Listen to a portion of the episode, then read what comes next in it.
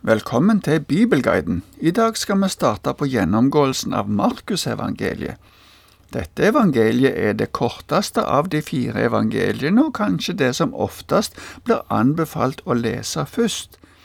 Det er fordi Markus er mest opptatt av å formidle Jesu gjerninger og virksomhet, og ikke så mye taler og undervisning som de andre evangeliene. Markus fremstiller Jesus som frelserkonge, som seirer over demoner, sykdom og død. Han er ikke så opptatt av Jesu menneskelige avstamning og familie, selv om familien òg blir nevnt. Fokuset er på Jesu mirakuløse gjerninger. Markusevangeliet angir ikke forfatteren sitt navn, men det er stor enighet om at det er skrevet av Markus, som regnes for å være en disippel av Peter.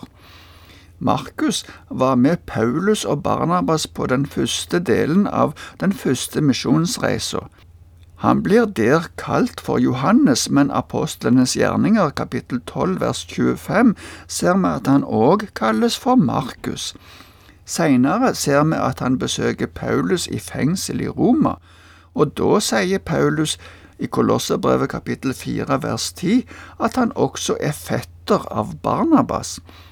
Peter kaller Markus for sin sønn i slutten av første Peters brev. I andre Timotius brev så ber Paulus Timotius om å ta Markus med seg når han kommer. I oldkirka sin tradisjon blir det sagt at Markus var Peter sin tolk. Det kan hende at Markus beherska gresk bedre enn Peter, og at Peter hadde han med seg som en god venn og medarbeider for bedre å få forklart hva han forkynte. Oldkirka sier også at Markus etter at Peter var død i Roma, kom til Alexandria i Egypt og grunnla menigheten der. Etter at han hadde blitt denne menigheten sin første biskop, så lei han martyrdøden der. Markus skrev evangeliet sitt for hedningekristne. Det ser vi av at han forklarer noe av det som skjer med at det var en av jødene sine skikker. Det antas at Markus har det meste av stoffet sitt ifra Peter. De stedene der Peter omtales, viser tydelig at Peter er opphavsmannen. Alt som kan tjene til å ydmyke Peter, er detaljert gjengitt, mens de rosende ord om Peters store bekjennelse, som Matteus nevner i kapittel 16, ikke er med hos Markus. Peter vil gjerne vise hvor svak og liten han er etter hans fall da han svikta Jesus etter at Jesus hadde blitt arrestert. Markus har sortert stoffet sitt slik at etter en kort innledning så forteller han om Jesu virke i Galilea. Det går gjennom de første ni kapitlene. Etterpå kommer Jesu virke i Jerusalem ifra kapittel 10 til 16, der de siste tre kapitlene handler om Jesu lidelse, død og oppstandelse. Som nevnt var Markus sammen med Paulus i Roma da Paulus satt i fengsel der rundt år 60–62, og skrev Kolosserbrevet og brevet til Filimon. Men seinere har han nok reist fra Roma, for Paulus ber Timotius om å ta Markus med når han kommer.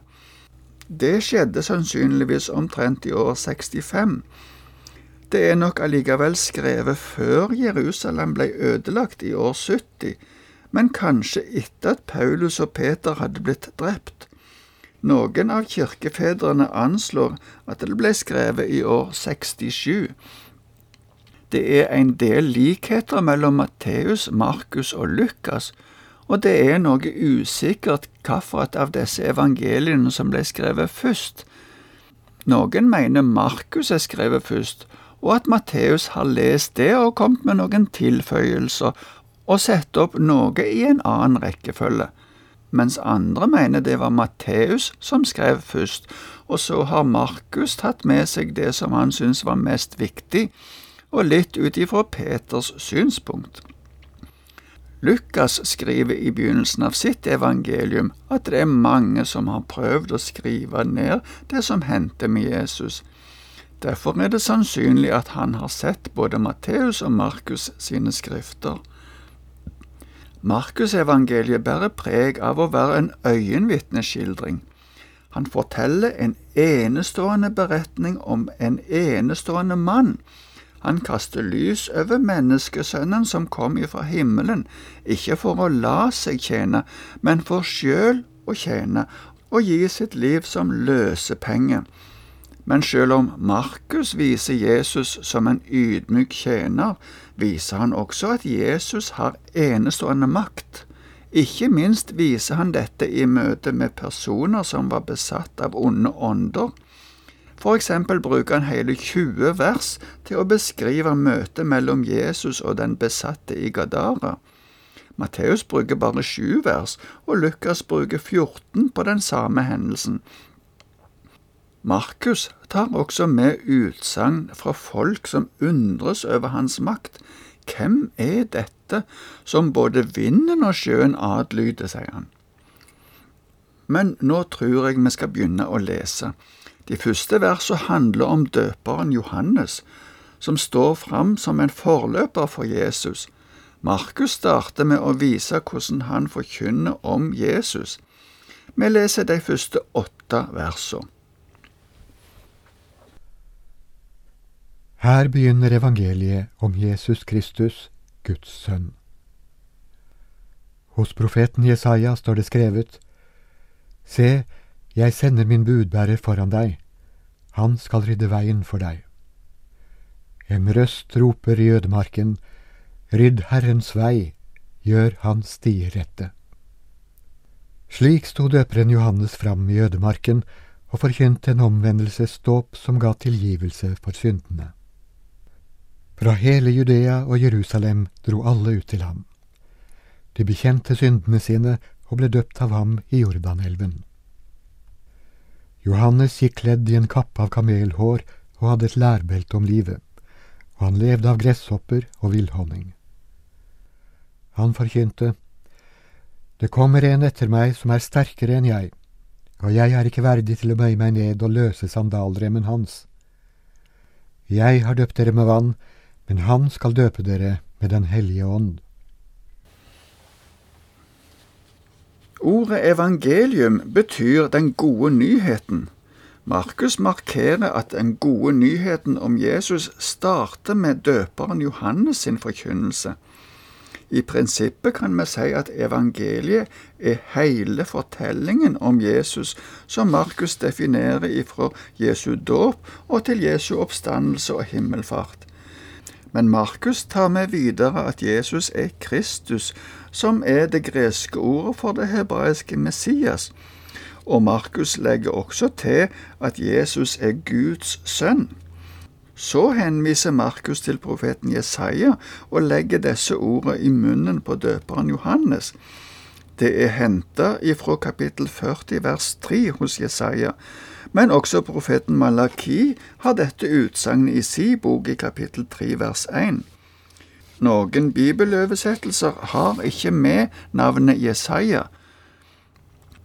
Uttrykket budbærer og rydda veien henviser til at det er forberedelse for en konge som skal komme. I gammel tid var det vanlig at en budbærer ble sendt i forveien for å annonsere at kongen skulle komme. Døperen Johannes blir nevnt uten mer presentasjon. Det kan tyde på at det forventes at leserne kjente til døperen Johannes og historien om han og det som skjedde rundt han. Markus nevner likevel at det strømmer mye folk til der som Johannes var. Det kom personer ifra store områder og nærmest sto i kø for å bli døpt. I forbindelse med dåpen måtte den som ble døpt, bekjenne sine personlige synder, og på den måten vise behovet for Messias. Klesdrakten og maten til Johannes nevnes, Kappen av kamelhår kunne få folk til å tenke på den kappa som Elia brukte, og profeten Malaki hadde jo sagt at Elia skulle komme før Messias. Døperen Johannes var tydelig på at han var en forløper, en budbærer. I vår tekst sier han at det skal komme en som er sterkere, og som har mye viktigere oppgave. Lignende omtale av seg sjøl ifra døperen Johannes finner vi også i Johannesevangeliet. Forutsigelsen ifra døperen Johannes om at Jesus skulle døpe med Den hellige ånd, det har alle evangeliene tatt med. Men nå skal vi lese noen vers til og se hvordan Jesus kommer på banen. Vi leser versene ifra 9 til 13. På den tiden kom Jesus fra Nasaret i Galilea og ble døpt i Jordan av Johannes. Straks han steg opp av vannet, så han himmelen dele seg, og han så Ånden komme ned over seg som en due. Og det lød en røst fra himmelen, Du er min sønn, den elskede, i deg har jeg min glede. Straks etter drev Ånden ham ut i ødemarken, og der var han i 40 dager og ble fristet av Satan. Han holdt til blant villdyrene, og englene tjente ham. Blant alle som kom til Johannes for å bli døpt, kom også Jesus en dag. Det står at han kom fra Nasaret. Markus sier ikke noe om at Johannes helst ikke ville døpe Jesus, slik Matteus nevner. Jesus hadde ikke noen personlige synder han kunne bekjenne. Derfor kunne han ikke gå inn i dåpen som Johannes utførte på den samme måten som andre personer. De bekjente jo syndene sine. Markus sier bare at Jesus kom og blei døpt. Men for ingen andre sies det noe om hva som skjer etter dåpen. For Jesus skjer det noe spesielt som vi finner også i de andre evangeliene. Markus viser at Jesus sjøl opplevde at himmelen åpna seg, og at han så dua og hørte røsten som sa at han var den elskede sønnen til han som talte. Johannesevangeliet understreker at Johannes så det, og muligens også flere andre som var der som det skjedde. Etter dåpen ble Jesus av Ånden ført ut i ødemarken. Der ble han frista av Satan. Matteus skildrer mer om denne fristelsen. Neste gang så skal vi se mer på hvordan Jesus begynte sin virksomhet.